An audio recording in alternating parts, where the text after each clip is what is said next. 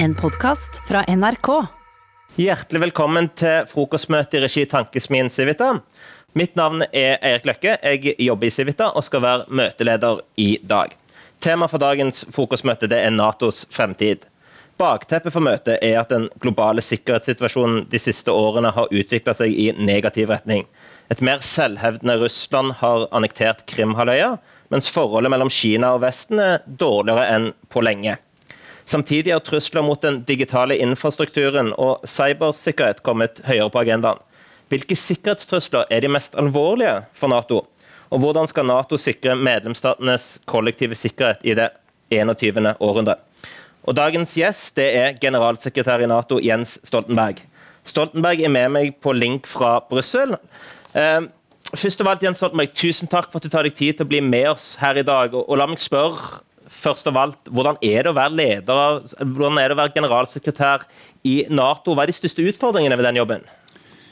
Det er veldig meningsfylt å få lov til å være generalsekretær i eh, Nato. Eh, fordi eh, det er verdens mest vellykkede, suksessfulle allianse noensinne. Og det å sikre fred, det å sikre stabilitet, det er ja, Det er få ting som er mer meningsfylt enn det, for det er så avgjørende for alle andre oppgaver vi har. Enten det er å få vekst og orden i økonomien vår, det er å bekjempe klimaproblemer, eller det er å skape eh, bedre samfunn for alle de menneskene som bor i Nato-land.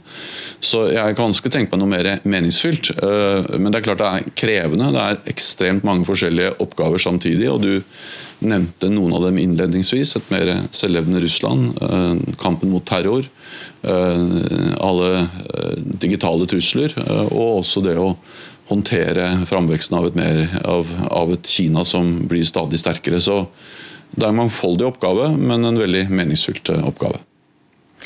Ja, du tok jo over i Nato på et tidspunkt hvor eh, påstanden er at sikkerhetsbildet har blitt eh, mer usikkert. For det første, Er du enig i den påstanden at det er blitt mer usikkert? og Hvordan vurderer du det globale sikkerhetsbildet i dag?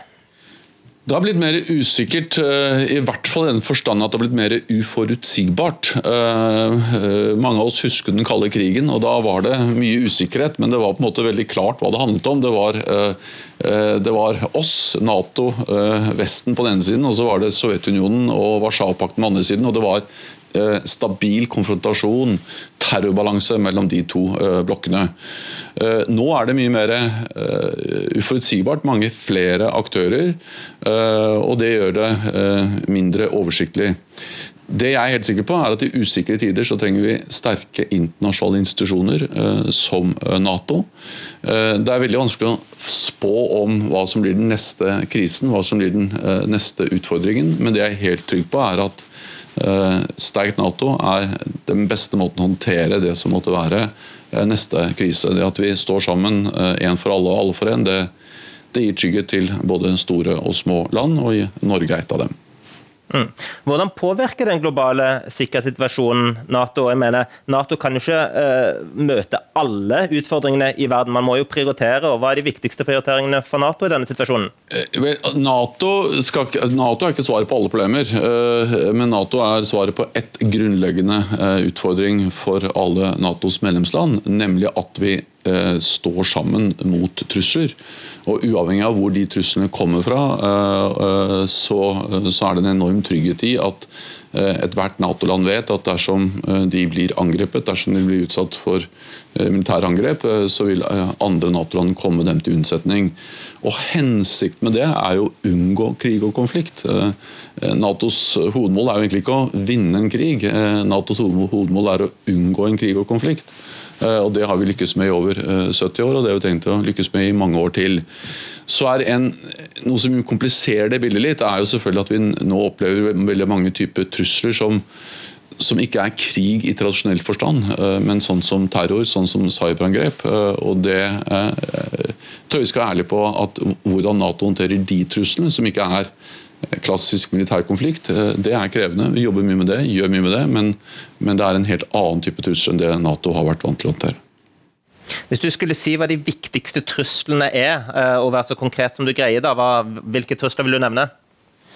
Jeg er veldig redd for å begynne å lage lister. Eh, fordi Erfaringsmessig eh, så er det jo veldig slik at eh, vi alltid blir litt overrasket over hva som er det neste angrepet, neste trusselen. Det var ekstremt få mennesker som forutså 9-11, altså 11.9. angrepene på USA, som jo endret det hele sikkerhetspolitiske bildet i mange år, preger oss fortsatt i dag. Eh, det var ytterst få som greide å forutse angrepet på eh, Krim, eller annekteringen av Krim i 2014. Eller for den saks skyld gå helt tilbake til kalde krigen. Få som greide å forutse at Berlinmuren skulle falle. Så eh, all verdens eksperter har vært ekstremt dårlige på å forutse neste trussel, neste krise, når vi ser bakover. og Derfor er jeg også veldig forsiktig med å være for presis om hva som er neste krise i framtida. Eh, det vi trenger, er, er, et, er en organisasjon, eh, eh, en, en, handlingsregel for å håndtere neste krise. Og I Nato er det alle for én, én for alle. Den kollektive sikkerheten vi bruker uansett hvor trusselen kommer fra. Og Jeg snakker om handlingsreglene jeg er i Nato, fordi at jeg også likte en handlingsregel for å håndtere et helt annen utfordring, nemlig eh, oljepengebruk. Eh, svingende oljepenger det håndterte vi eh, ved å lage en buffer gjennom handlingsregelen. Så, så, vi trenger en måte å håndtere usikkerhet på. Og, og to veldig forskjellige usikkerheter. Usikkerhet i oljemarkedet, usikkerhet i, i, i sikkerhetspolitikken. handler om at du Nettopp fordi du ikke kan forutse framtida, så trenger du regler for å håndtere uh, usikkerhet.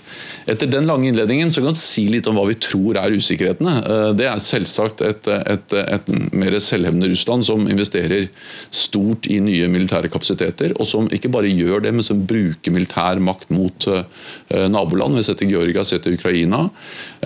som også står for en ganske aggressiv politikk, som er ansvarlig for bl.a. Eh, eh, altså, eh, attentater mot opposisjonelle, folk de er uenig i. altså De undertrykker opposisjon i sitt eget land. Det er cyber, der det kan komme i alle retninger. det er terror. Er, vi vet ikke når det neste terrorangrepet skjer, men vi vet at det er mange som prøver å organisere store terrorangrep mot våre land, og vi må være forberedt på det. Og så er det som jeg var inne på, eh, nemlig konsekvensen av at den globale maktbalansen endrer seg ved at Kina blir eh, større og eh, sterkere. Ja. Tenk at Vi kan komme inn på noen av de etter hvert, men hvis vi, vi holder oss til, til, Russland, hvordan vil du karakterisere Natos forhold til Russland i dag? Det virker som det er verre enn det har vært nesten siden kalde krigen? Vi har et uh, vanskelig forhold til uh, Russland. Uh, og vi har sett et Russland som er ansvarlig for aggresjon mot naboland.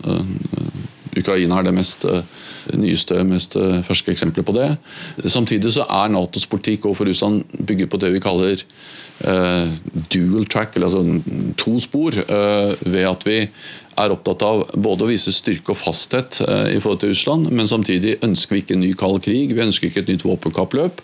Så vi er opptatt av dialog og ikke minst eh, nedrustningsavtaler eh, samtaler med Russland. Og Jeg bruker noen ganger min norske erfaring når vi drøfter disse tingene i, i Nato. For jeg sier at Norge er et eksempel på et land som faktisk har greid gjennom tiår og under også den kalde krigen å samarbeide med Russland, få til avtaler med Russland om fisk, om energi eller delelinje i Barentshavet. Eh, og Det er ikke på tross av Nato, men det er på grunn av Nato. fordi når vi er sterke, når vi er forutsigbare, når vi har den tryggheten som Nato gir, kan vi også eh, engasjere oss i dialog og samarbeid med Russland. Eh, og Det er viktig, for det er ikke noen motsetning med å være fast og det å også være for dialog. og, og Det er det Natos forhold til Russland handler om. Mm.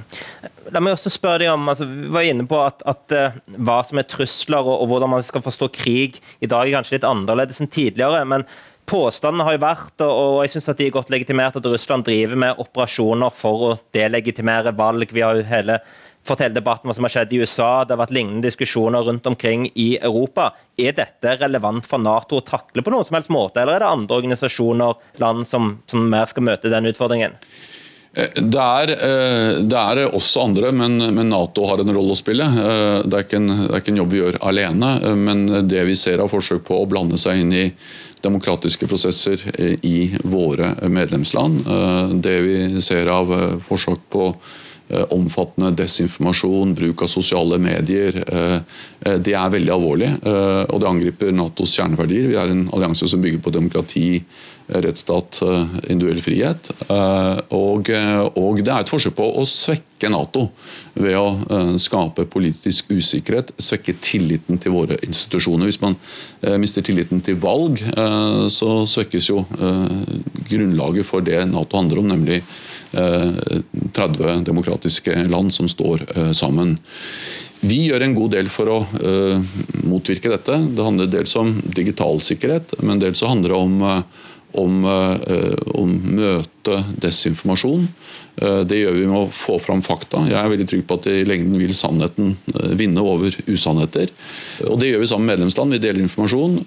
Men jeg mener faktisk det viktigste virkemidlet vi har i kampen mot desinformasjon, mot feilinformasjon, mot den type bruk av sosiale medier, det er en fri og uavhengig presse. Det er journalister som stiller kritiske spørsmål. Det er medier som kan undersøke og granske saker. Og Selv om det kan være anstrengende for de som har makt og har posisjoner, så er det grunnleggende sunt å vite at man har medier som er uavhengige og som stiller de kritiske spørsmålene, og som ikke er offer for desinformasjonskampanjer fra den ene eller den andre. Det er fristende å følge opp litt ved da, og spørre for det at sånne, Å avsløre sånne type operasjoner altså innenfor etterretning er jo grunnleggende vanskelig som å finne klare eh, bevis. Men det virker jo veldig ofte som uansett hvor mye Russland blander seg inn i vestlige land, så får det ingen konsekvenser for eh, regimet eller, eller russerne. Er det en riktig forståelse? Ja, det avhengig av mener med konsekvenser. Altså, det, det, har jo for blitt et betydelig forverret forhold mellom eh, Nato og Russland. og Det skyldes jo mange forhold. Også den måten de har prøvd å påvirke våre politiske systemer på, våre politiske prosesser på. Det er jo innført en del økonomiske sanksjoner mot dem. Først og fremst pga. Ukraina, men alt det Russland samlet gjør, bidrar jo ikke til å gjøre det lettere å se for seg at de sanksjonene skal oppheves. Og det er et problem for Russland. Eh, de sliter økonomisk, eh, og, de opplever jo også at eh, de må si, ta i bruk stadig sterkere virkemidler for å holde på makten det regimet vi i dag har i, i Russland. Så det har konsekvenser, men noen ganger så får jeg inntrykk av at så, så fremt man ikke bruker militærmakt, så gjør man ingenting. Det fins jo noe mellom å bruke militærmakt og gjøre ingenting, og vi bruker de diplomatiske, de politiske virkemidlene vi har for å forsøke å bidra til å endre Russlands atferd. Hvis jeg kan få lov til å legge til et annet område som er ekstremt viktig, så er det nedrustning. Eh, og Det som er skummelt nå, det er at vi ser at det kommer nye atomvåpen eh, i verden. Eh, spesielt at Russland utplasserer nye atomvåpen, nye mellomdistanseraketter, som bryter den avtalen vi hadde som forbød alle mellomdistansevåpen. og Igjen, Jeg er så gammel at jeg vokste opp, eller var ung på 70-80-tallet. og det var Kampen mot atomvåpen var noe som definerte en hel generasjon i forhold til sikkerhetspolitikk. Eh, eh, man lykkes jo helt utrolig, bedre enn mange trodde. Eh, det kom en avtale som ikke reduserte antallet mellomdistansevåpen, men forbød alle sammen. og Den har tjent oss veldig godt i mange år. Nå bryter den avtalen sammen fordi Russland har utplassert den type raketter. De har kort varslingstid. De kan nå Eh, hele eh, Europa, alle Nato-land i Europa. Eh, og de gjør terskelen for å bruke atomvåpen mindre. Så, så, det at vi nå ser nye avanserte atomvåpen utplassert, det, det er noe som uroer meg, fordi det er noe som, som, som, ikke gjør det sannsynlig, men som gjør at mulighetene for bruk av atomvåpen øker, og det er ekstremt farlig.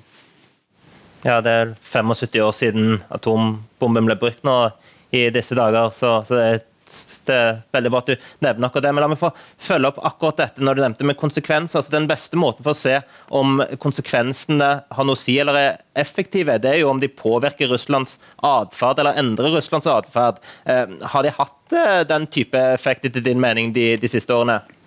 Det innebærer i hvert fall at det er en kostnad eh, for Russland eh, når de bryter folkeretten, eh, når de er ansvarlig for aggressive handlinger mot naboland eller mot enkeltmennesker. Og det er viktig, for det, hvis det er kostnadsfritt, så er jo terskelen for å gjøre det enda lavere. Men igjen, jeg tror man må forstå at tålmodighet, det å være gjennomtenkt i måten vi handler på, er viktig. Fordi de som alltid bare roper på enda sterke virkemidler, de er jo de som også risikerer at man ikke får mer trygghet og mer stabilitet, men tvert imot kan tilspisse og gjøre en krevende, vanskelig situasjon enda mer krevende, enda mer farlig å bevege seg mot noe som kan bli en konflikt. Så det er alltid en balanse for alle som sitter med ansvar, eh, gjennom det å være tydelig, eh, påføre kostnader for en som bryter folkeretten, men samtidig ikke forverre, ikke skjerpe eh, konflikt og konfrontasjon. Fordi Russland er vår nabo, Russland kommer til å være der. Og, og vi må fortsette å arbeide for et bedre forhold til Russland. Mm. En annen nabo som er i en spent situasjon, er i Hviterussland, hvor også Russland eh, beskyldes for å, for å, blande seg inn. Det har også kommet beskyldninger mot Nato fra regimet der. Hva tenker du om situasjonen i Hviterussland nå? Hvordan er det relevant for Nato? Jeg tenker at Det er veldig viktig for Nato, fordi eh, det handler om eh, et naboland. Det handler om noen veldig viktige prinsipper, nemlig prinsippet om Hviterusslands ukrenkelighet, respekt for deres suverenitet, deres, deres, deres, rett til å velge sin egen vei, og ikke minst folket i Hviterusslands rett til å bestemme Hviterusslands framtid. Og Derfor er det vi ser av sant, manipulasjon av valg, eh, eh, bruk av vold mot fredelige demonstranter, det, det, det bryter de verdiene eh, vi står for. Og det blir jo ikke bedre av at at regimet bruker Nato som påskudd. De, de hevder at det er en stor militær oppbygging av Nato ved grensene. Det er feil. De hevder at Nato har planer om å blande seg inn i de indre politiske prosessene i Hviterussland. Det er feil. Eh, Nato har et helt normalt nærvær eh, i området, i Nato-land som Polen, eh, de baltiske statene. Det vi sier, er at det er folket i Hviterussland som må få lov til å bestemme uten innblanding utenfra. Enten det er fra Vesten eller det er fra Russland. Og Det er den beskjeden vi gir. Eh, og, eh, og, eh, og, vi er veldig opptatt av å ikke gi noen påskudd til Russland eller regimet for å bruke Nato som unnskyldning for å slå ned på det som er et, et veldig imponerende og modig uttrykk for folkelig oppstand som vi nå ser i Hviterussland. Har du tro på at Hviterussland kan bevege seg i demokratisk retning nå framover? Så Jeg har veldig tro på demokratiet. Jeg har veldig tro på at uh, demokrati og friheten uh, kommer til å seire. Uh, I noen land tar det veldig lang tid, i andre land så skjer det overraskende og veldig brått. Og, og, og, og, igjen, jeg tror mange av oss ble overrasket hvor fort en del autoritære diktaturer falt i Øst-Europa. Vi har sett oss i noen andre land hvor fort man kan gå fra diktatur, autoritære regimer til demokrati. Vi har sett det periodevis i Latin-Amerika. Og jeg håper eh, at også eh, Hviterussland kan gå i demokratisk retning.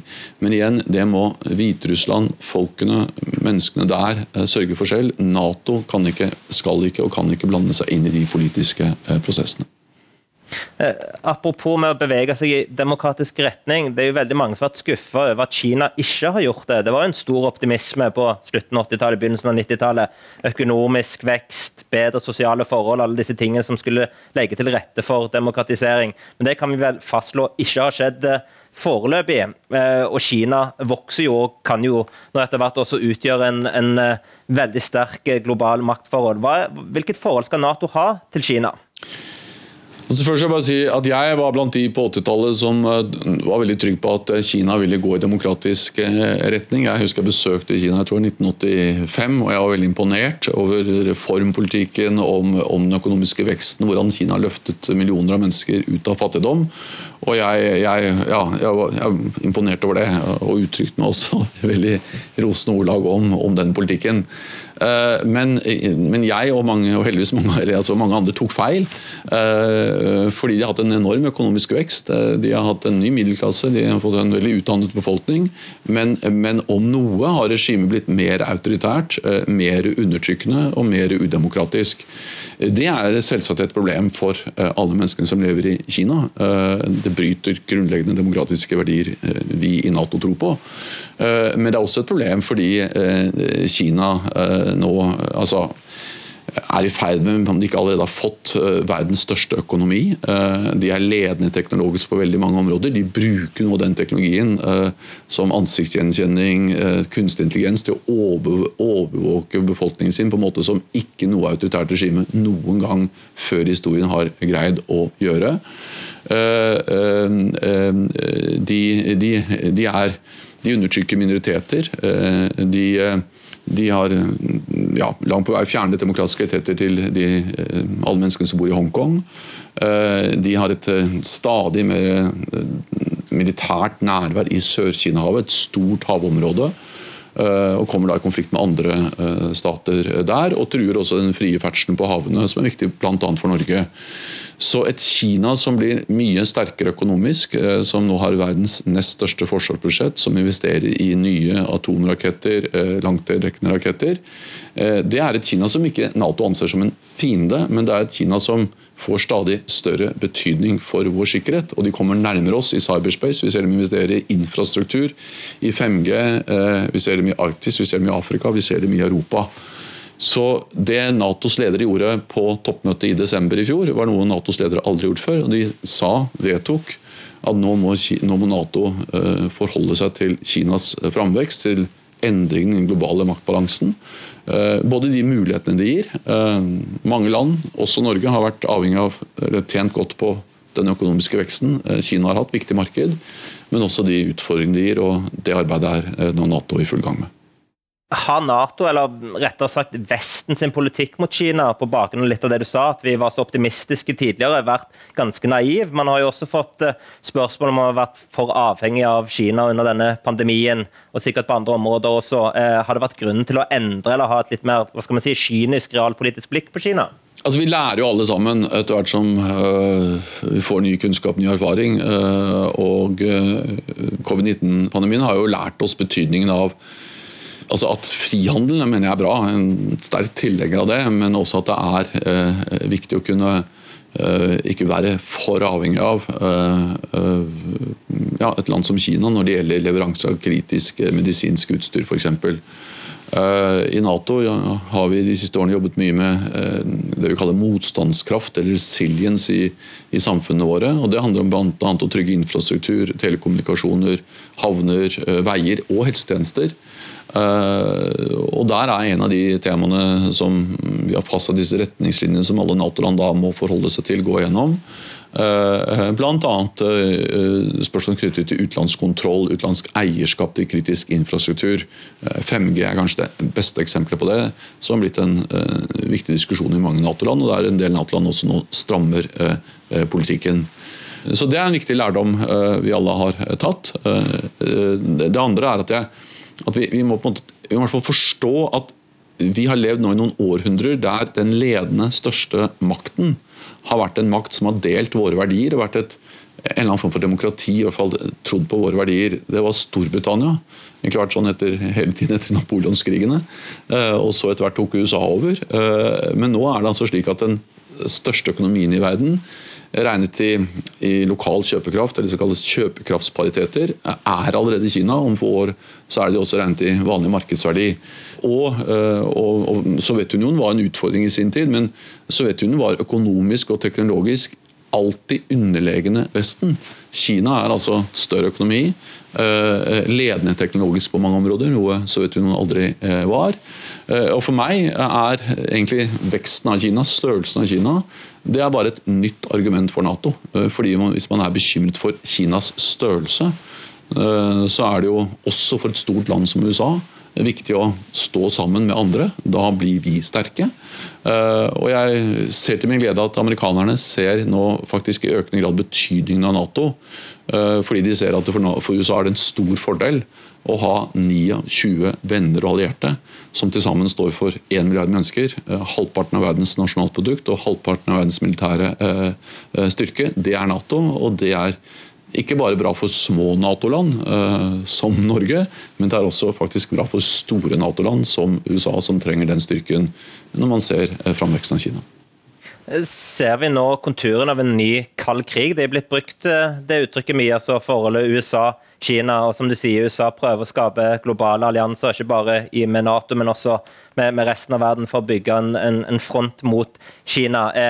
Hvilke konsekvenser tenker du det har? Jeg eh, mener eh, det er feil å bruke begrepet kald krig. Jeg ser og hører at mange som bruker eller refererer til det, men, men det er noen sånne veldig fundamentale forskjeller.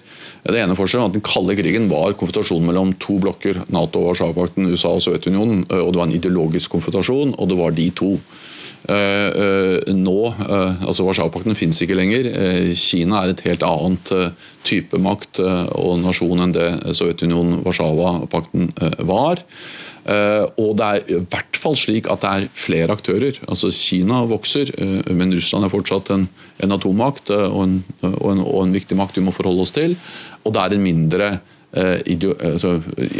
sånn konfrontasjon mellom politiske ideologier som vi eh, så eh, under den kalde krigen. Så jeg føler vår oppgave er å unngå en ny kald krig, og ikke minst unngå et nytt våpenkappløp. Derfor er det ekstremt viktig at vi nå lykkes med de forsøkene på å få på plass nye avtaler, nye regimer for, for, våpenkontroll. Fordi mange av de avtalene vi har hatt, har nå egentlig brutt sammen. Uh, og vi står med færre avtaler, mindre reguleringer når det gjelder våpen, enn vi har gjort på flere tiår. Og En del av det er jo også på å finne måter å inkludere Kina i et framtidig våpenkontrollregime. Mm. Apropos dette med våpenkontroll og regime. Mye av utviklingen framover kommer jo til å bli drevet av kunstig intelligens, altså AI. Man snakker jo om de som vinner den kampen eller leder den kampen. De vil ha eh, store fordeler eh, globalt sett. Men Eh, hvordan jobber Nato med, med kunstig intelligens innenfor det militære? og Vi har vel egentlig ingen gode internasjonale avtaler som regulerer dette? Det er vel en stor mangel? Ja, det er det. Altså, det er minst to grunner til at vi eh, må fornye, forsterke, gå gjennom hele det gamle regimet for våpenkontroll. Eh, det ene er at det er kommet nye land, ikke minst Kina, som i liten grad omfattes av de avtalene som var der, sånn som avtalen som forbød mellomdistanseraketter. En grunn til at den brøt sammen, var jo at eh, ja, Russland eh, var veldig urolig for at Kina utviklet veldig mange mellomdistansevåpen. De hadde ingen begrensninger, mens Russland hadde begrensninger gjennom eh, det som ble kalt INF-avtalen. Den, den, avtalen, startavtalen som regulerer de langtrekkende rakettene, strategiske våpen, den utløper om noen få måneder, med mindre det blir enighet om å forlenge den eller få en ny avtale på plass. Eh, mellom USA og Russland. Og det, ikke minst amerikanerne har sagt veldig tydelig, at det, det, er bare meningen å lage en slik avtale hvis man også får med Kina. Så Den ene grunnen til å fornye disse avtaleverkene er at du simpelthen har flere land som har denne type våpen og må med. Men den andre grunnen er det du snakker om, nemlig at uh, vi har helt nye typer våpen. Uh, vi har cyber, vi har kunstig intelligens, vi har altså, autonome våpensystemer. Og vi har ikke minst kombinasjonen av f.eks. ansiktsgjenkjenning, kunstig intelligens, autonome våpensystemer puttet inn i ett et våpen, en drone. det åpner noen perspektiver i forhold til hvordan krig kan utkjempes, som, som er vanskelig å ta fullt ut inn over seg. De nye teknologiene vi nå ser, de har potensial i seg til å endre krigens natur, krigens brutalitet, like mye som den industrielle revolusjonen endret eh, krigens natur, og som vi så kom til uttrykk i første verdenskrig, og som veldig få mennesker egentlig forsto uh, før vi hadde sett all brutaliteten utfolde seg uh, i første verdenskrig. Uh, men da handler det om å regulere andre ting. De gamle avtalene handlet om å telle stridshoder og sette tak på antallet stridshoder på atomraketter. Eller antall stridsvogner. Ehm, nå er det noe helt annet. Nå liksom, skal du telle antall algoritmer. altså Hvordan måler du, hvordan regulerer du? Eh, helt nye typer teknologier. Og, og, Det er det ingen som har gode svar på. Nato jobber en del med det. Vi har eksperter, ekspertgrupper. Eh, prøver å samordne standpunktene til 30 medlemsland. Og vi jobber selvfølgelig også med industrien, eh, forsvarsindustrien, men også teknologiindustrien eh, for å, for å, forstå både farene i disse nye teknologiene, men også mulighetene i de teknologiene også i forhold til våpenkontroll, ikke minst verifikasjon, eh, kontroll eh, av at avtaler blir holdt. Så Som all annen teknologi så er også denne type teknologien har noen enorme farer ved seg, men også noen utrolige muligheter også i forhold til fred og nedrustning. Jeg tenker sånn, bare for å understreke at Dette er ikke noe som er sånn 10-15 år frem i tid. altså Vi snakker om muligheter allerede nå, altså ved den neste krisen med å bruke disse tingene. Ja. Det haster vel å få dette på plass? Ja, absolutt. Altså, er, ja, de, altså, denne type teknologier finnes allerede i dag. og Det er jo teknologier som, som gradvis eh, også føres inn i eksisterende våpensystemer. altså F.eks. nye kampfly er jo noe totalt annet enn gamle kampfly. Hva de kan, hva de ser, hva de forstår hvordan de prosesserer informasjon, uh, bruk av kunstig intelligens, autonome våpensystemer, droner. Alt det er jo allerede uh, altså begynt å bli en del av de våpensystemene stadig flere land har. Men det er klart, etter hvert som disse teknologiene blir stadig mer avansert, etter hvert som omfanget av dem blir stadig mer utbredt, så blir det enda viktigere at man får til Eh, får til våpenkontrollavtaler som, eh, om, som, omfatter denne type våpen. Det er ikke lett, men, men, det var heller ikke lett å få på plass eh, våpenkontrollavtaler på 60- og 70-tallet. Det fikk man til, og vi må jobbe for å få til det også i dag. Mm. Et siste spørsmål akkurat på det her, og du var jo for så vidt inne på dette med autonome eh, våpensystemer. Burde man få på plass noe som gjør at, at det iallfall må være en menneskelig beslutning bak det å angripe nærmest og starte krig? At du ikke får nærmeste algoritmer løpe sine egne løp og, og starte kriger? Mange snakker om første verdenskrig kom, kom, i stand litt på en tilfeldighet med sånne type kunstig intelligens-ting her. Så er jo faren virkelig stor for at sånne ting kan skje. Ja, men det, altså, det, er blant de tingene som diskuteres. men det er jo, det, Spørsmålet er på hvilket ledd og på hvilket nivå skal mennesket eh, komme inn og ta beslutninger. Altså, når man fyrer av en rakett, så, så er det jo, det finnes jo raketter som er ganske gamle der når du trykker på knappen, så er det for sent å tilbakekalle raketten. Så det er egentlig spørsmålet når er det du overlater eh, gjennomføringen av angrepet eh, til maskinen, til våpensystemet.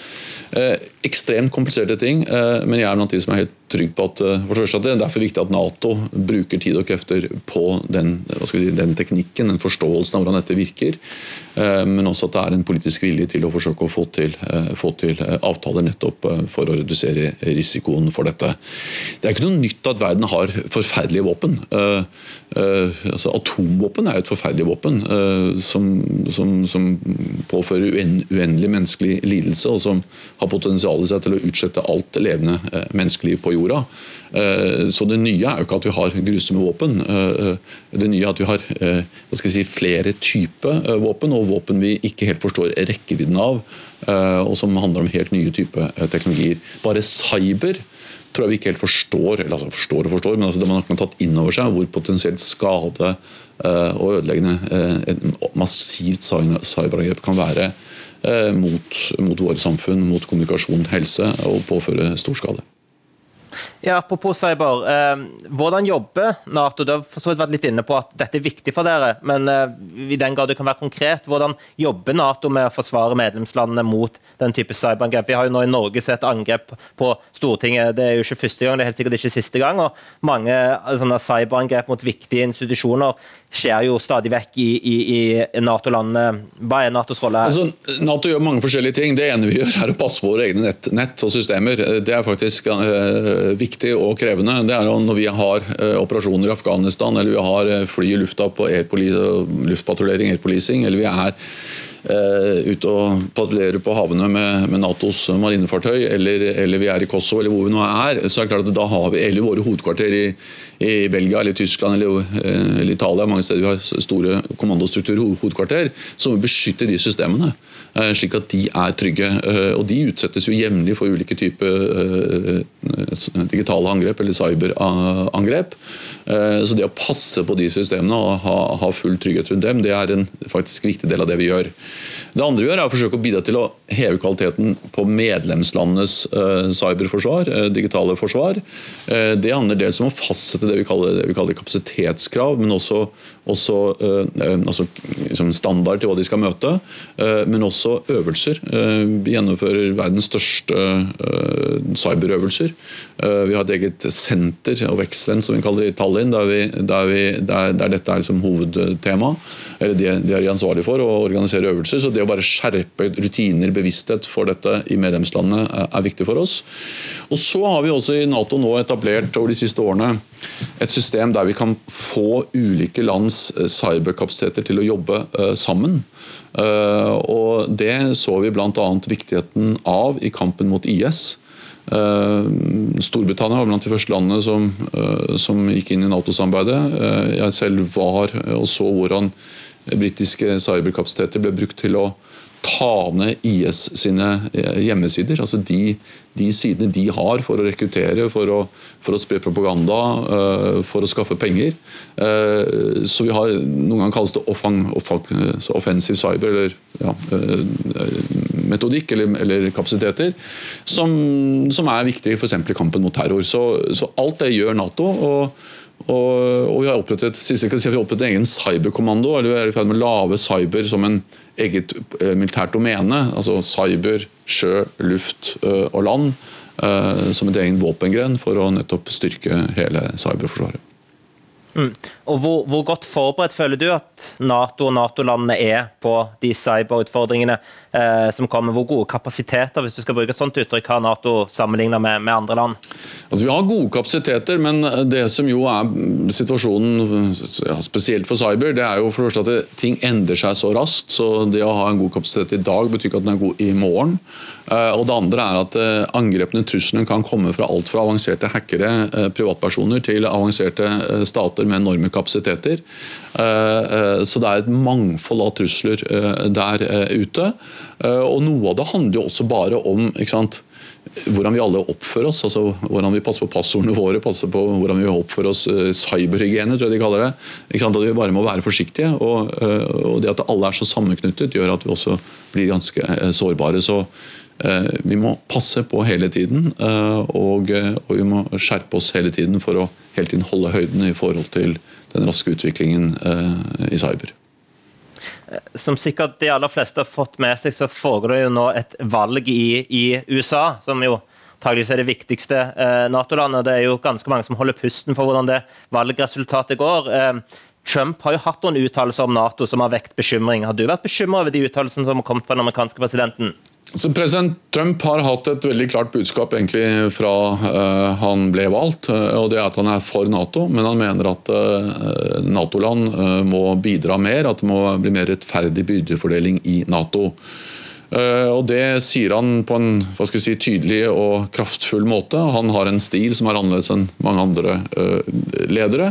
Men budskapet er egentlig grunnleggende sett det samme som vi har hørt fra USA i mange år, nemlig at det er urimelig at de har rundt halvparten av nasjonalproduktet, altså verdiskapningen i inntektene blant Nato-land, men betaler over 70 eh, av militærutgiftene. Eh, det positive er at det er jo alle Nato-land enig i at det er urettferdig, den byrdefordelingen eh, vi har. Og enda mer positivt er det at nå har alle Nato-land begynt å investere mer i forsvar. Eh, slik at, eh, slik at, så, slik at president Trump nå faktisk, eh, og altså ikke bare han, men i USA, så er det nå lagt merke til at, at europeiske Nato-land og Canada uh, trapper opp og, at, og, gjør sitt for å uh, bidra til en mer rettferdig fordeling av byrdene i Nato. Det er fortsatt langt igjen. Men jeg er glad for at amerikanerne, republikanere, demokrater, Kongressen, presidenten eh, ser at det er gjort et, eh, et betydelig altså, anstrengelse fra, eh, fra alle Nato-land for å bedre på byrdefordelingen. Så du er ikke så bekymra som mange andre europeere er for at USA, særlig hvis Trump skulle bli gjenvalgt, skulle trekke seg mer bort fra Nato og Europa? Så jeg, jeg, ser hva han sier, og han sier at uh, han er sterkt for Nato, uh, men at det må bli mer rettferdig byrdefordeling. Så jeg hadde vært uh, hva skal vi si, mer urolig hvis, hvis, jeg så at det gikk feil vei når det gjaldt byrdefordeling. Men fordi det går rett vei når det gjelder byrdefordeling, så, så er jeg veldig trygg på at vi skal fortsette å ha et, et Nato der USA er en er selvfølgelig den ledende største medlemmet, og der, NATO, der USA står ved sine Eh, sikkerhetsforpliktelser. Eh, det mener jeg både fordi europeiske Nato-land nå investerer mer, eh, men jeg mener også fordi at det er i USAs interesse å ha 29 allierte og venner. Jeg nevnte det i forhold til framveksten av Kina, at, at da selv USA blir ikke så veldig store når man sammenligner med Kina på økonomi og teknologi. Men jeg mener også at det er, historien har lært oss at det er i USAs sikkerhetspolitiske interesser å ha stabilitet i Europa eh, og samarbeid med europeiske allierte. Eh, så det er, ikke, det er, det er viktig å ikke bare appellere til, liksom, til Washingtons og USAs liksom, si, medfølelse for Europa. Det er også å få fram at det er i deres sikkerhetspolitiske interesse, USAs sikkerhetspolitiske interesse, å ha et eh, sterkt Nato. Det, det budskapet føler jeg sitter i USA, og, og vi ser også på meningsmålingene at det er eh, rekordstor tilslutning til Nato i USA. Eh, så ja, det har vært en del diskusjon, ja det har vært stilt spørsmål, men, men jeg opplever at det er en solid støtte, eh, ikke minst altså, på, i Kongressen, i partiene, republikanske partiet og demokratene, Eh, for Nato. Apropos dette med byrdefordeling. Det var jo som du nevnte ikke noe nytt at amerikanerne har påpekt det her. Tidligere forsvarssjef Robert Gates hadde jo en meget sterk tale, riktignok i mer diplomatiske ordlag. Man kunne jo si, noen sagt, at det måtte en person som Trump til for at europeerne skulle forstå eh, alvoret. Eh, hvorfor har det tatt så lang tid da, før europeerne har kommet etter? Skyldes det Trumps mer direkte stil? Jeg vil forsiktig med å spekulere i det. Jeg har sagt offentlig i USA, eh, har sagt det um, i Europa, at, eh, at uh, hans, hans his clear message, altså hans klare budskap, har hatt betydning. Og, og det, det, det, tror jeg, fordi han har bidratt til å sette det veldig sterkt på dagsordenen. Så man kan være enig eller uenig med president Trump i veldig mange spørsmål om handel, om klima, om, om mange andre, om Iran-avtalen eller mange andre ting. Men, men, men, men han, han, har et, altså, han, har rett når han sier at vi trenger eh, mer rettferdig byrdefordeling i eh, Nato. Eh, og Det positive er altså at det har alle Nato-land eh, vedtatt flere ganger siden 2014, da de hadde et tydelig vedtak på dette. Eh, og ikke bare det, men de har også begynt å gjøre noe med det. Eh, bare et siste spørsmål akkurat det her før vi tar noen spørsmål fra sosiale medier. Når vi snakker om rettferdig byrdefordeling, hva er det nøyaktig? Hvordan skal den fordelingen være etter din mening, eller etter Natos mening?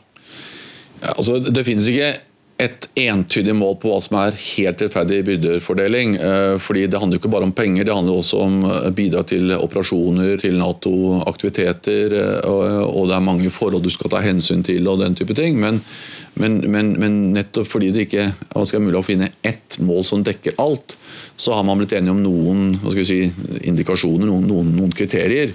Eh, og Det Natos ledere vedtok i 2014, det var at de landene som bruker mindre enn 2% av eh, nasjonalproduktet, BNP, på eh, forsvar, skal gå opp mot 2% og de andre som selvfølgelig er 2% skal holdes over der. Det er fullt mulig å være over 2 men, men det har liksom blitt definert som en minstegrense. Og Det mener jeg er i hvert fall en, en, viktig målestokk på på en byrdefordeling som reflekterer hvor mye du bidrar i forhold til ditt, eh, din økonomiske styrke.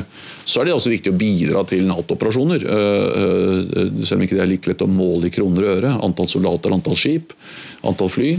Og så er det også viktig å huske på at ikke sant? Altså, under kalde krigen var vi oppe i 3 og 4% i Nato. Norge hadde over 3% i forsvarsutgifter. Eh, altså, selv, på, selv, da Kåre Willoch og Gro Harlem Brundtland var statsminister i Norge, så var vi over 2 sånn at det, det, er ikke så hinsides lenge siden vi var der. Eh, eh, og nå er jo de veldig mange Tall for veldig mange europeiske land vil jo nå bli veldig påvirket av koronaen. Så prosenten vil nok gå opp i veldig mange land nå fordi BNP går ned. Men det vil jo forhåpentligvis være en form for kortvarig gevinst ved at, ved at vi igjen får vekst i økonomien igjen. Og da er det igjen forsvarsutgiftene som teller. Mm. Jeg tar et par spørsmål som vi har fått på sosiale eh, medier. Her er en fra Oddgeir som spør følgende.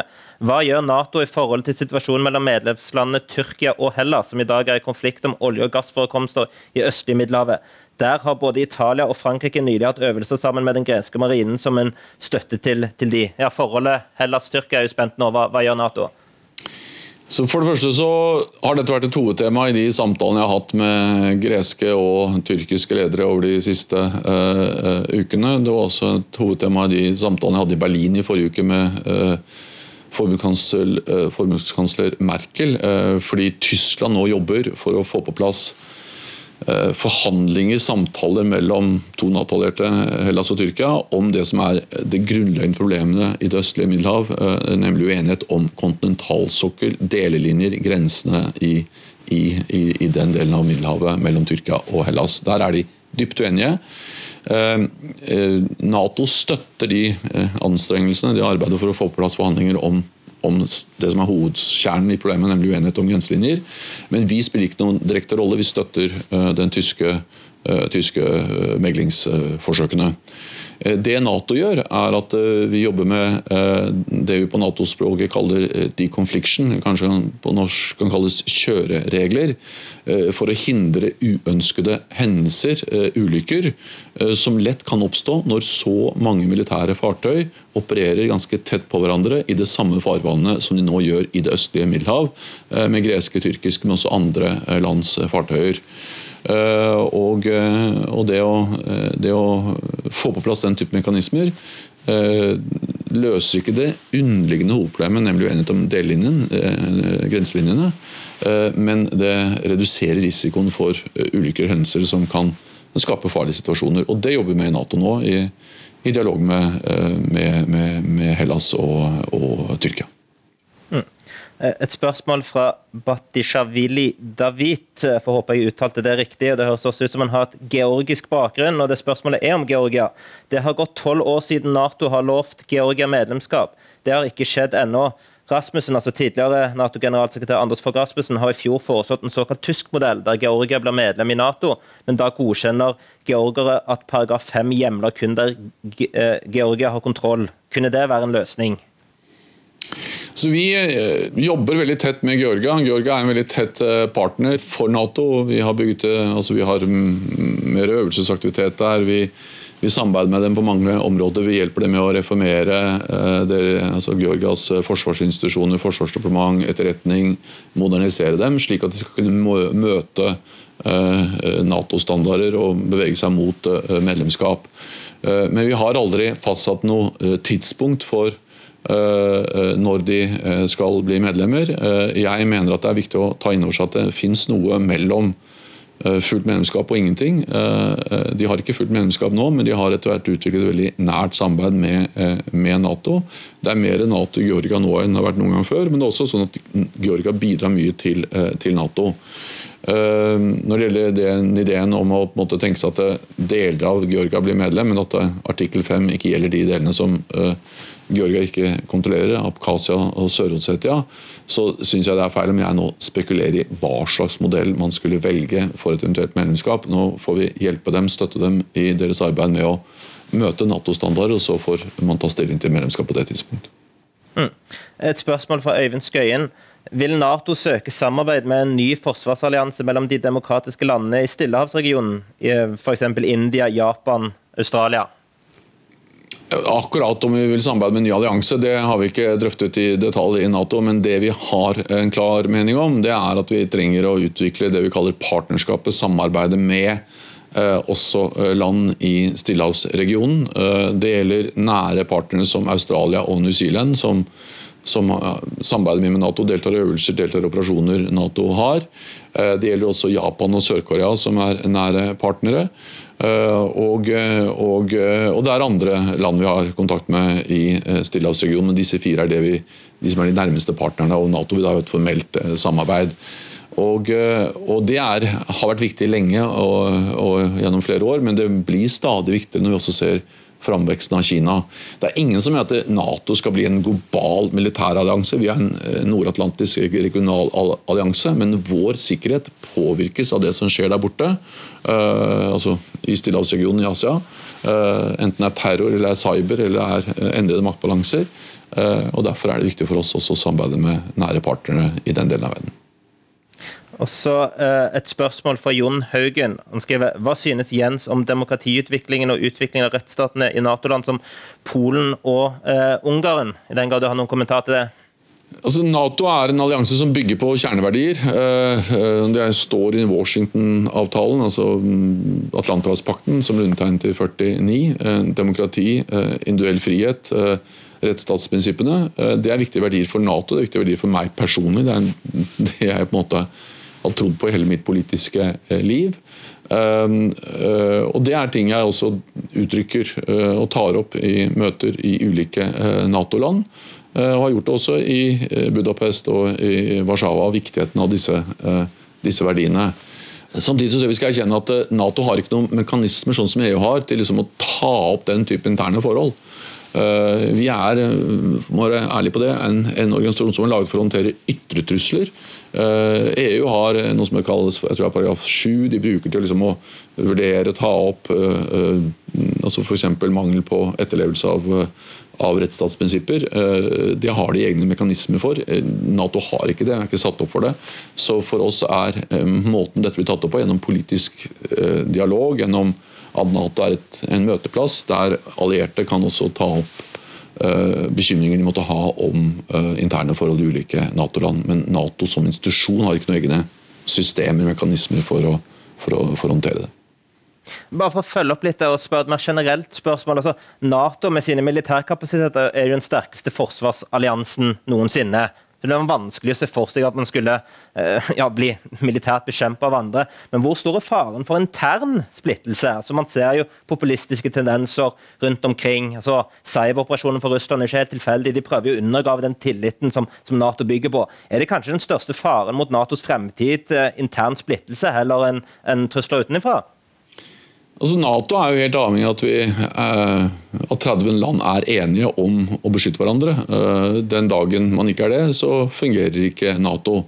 Eh, det som er styrken til Nato, er at vi på tross av uenighet om mange spørsmål over mange år, alltid har greid å forene oss om kjerneoppgaven vår, nemlig å beskytte hverandre. Og Jeg er veldig, veldig trygg på at det vil også være tilfellet i dag. Um, jeg vet ikke, de som, de, som ser på denne serien The Crown, de vil jo si at det var stor dramatikk eh, da Storbritannia og Frankrike eh, gikk inn i Suez i 1956, eh, og amerikanerne var ikke med på det. Da var det dårlig stemning i Nato. I 1966 og 67 så så bestemte Frankrike for å, for å, forlate alt det militære samarbeidet i Nato. og Vi måtte flytte hovedkvarteret fra Paris, hvor vi var før, til, eh, til Brussel. Da tror jeg heller ikke stemningen var veldig god i Nato, eh, når et av våre største medlemsland bare trakk seg ut av alt militært samarbeid. Eh, eller i 2003, Irak-krigen, var det dyp uenighet mellom Nato-land om, om, det. Så det er ikke noe nytt at det er uenighet mellom Nato-allierte om viktige spørsmål. Som vi også ser i dag om en del saker. Eh, men, men, men, det som igjen er det imponerende med Nato, er at på tross av de uenighetene, så skjønner jo alle at vi er tryggere, eh, vi bevarer freden eh, hvis vi står sammen. Og Det er nettopp det jeg ser i dag òg. Det er masse uenighet, og jeg bruker en god del tid på å håndtere de uenighetene.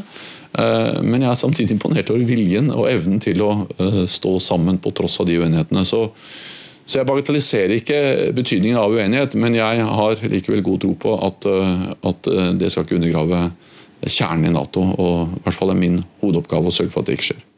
Mm. 90 sekunder helt til slutt før vi må, må, avslutte et siste spørsmål. så kan du også si det du føler du ikke har fått sagt. Men Sverige og Finland, burde de bli medlem av Nato? Er døren åpen for dem? Um, altså, generelt så er uh, jeg som generalsekretær i Nato veldig forsiktig med å mene noe om hva andre land uh, bør uh, gjøre. Og tror jeg Kombinasjonen å være norsk og generalsekretær i Nato, da skal du i hvert fall ikke råd til svensker og finner om hva de skal gjøre. Jeg har mye god dialog med, med Sverige og Finland, med ledere med regjeringene der, om samarbeidet med med Nato. Eh, vi samarbeider veldig tett med Sverige og Finland. Øver, eh, de er partnere, de deltar på mange av våre møter. Eh, så jeg er glad for at, at de er glad i Nato. Om de vil bli fullt medlemmer, det får nesten svensker og finner bestemme selv. Jens Stoltenberg, tusen takk for at du tok deg tid til å svare litt på Natos fremtid. Og tusen takk til alle dere som fulgte oss. Så da gjenstår det bare å si ha en riktig god helg, og takk for i dag. Du har hørt en podkast fra NRK. Hør flere podkaster og din NRK-kanal i appen NRK Radio.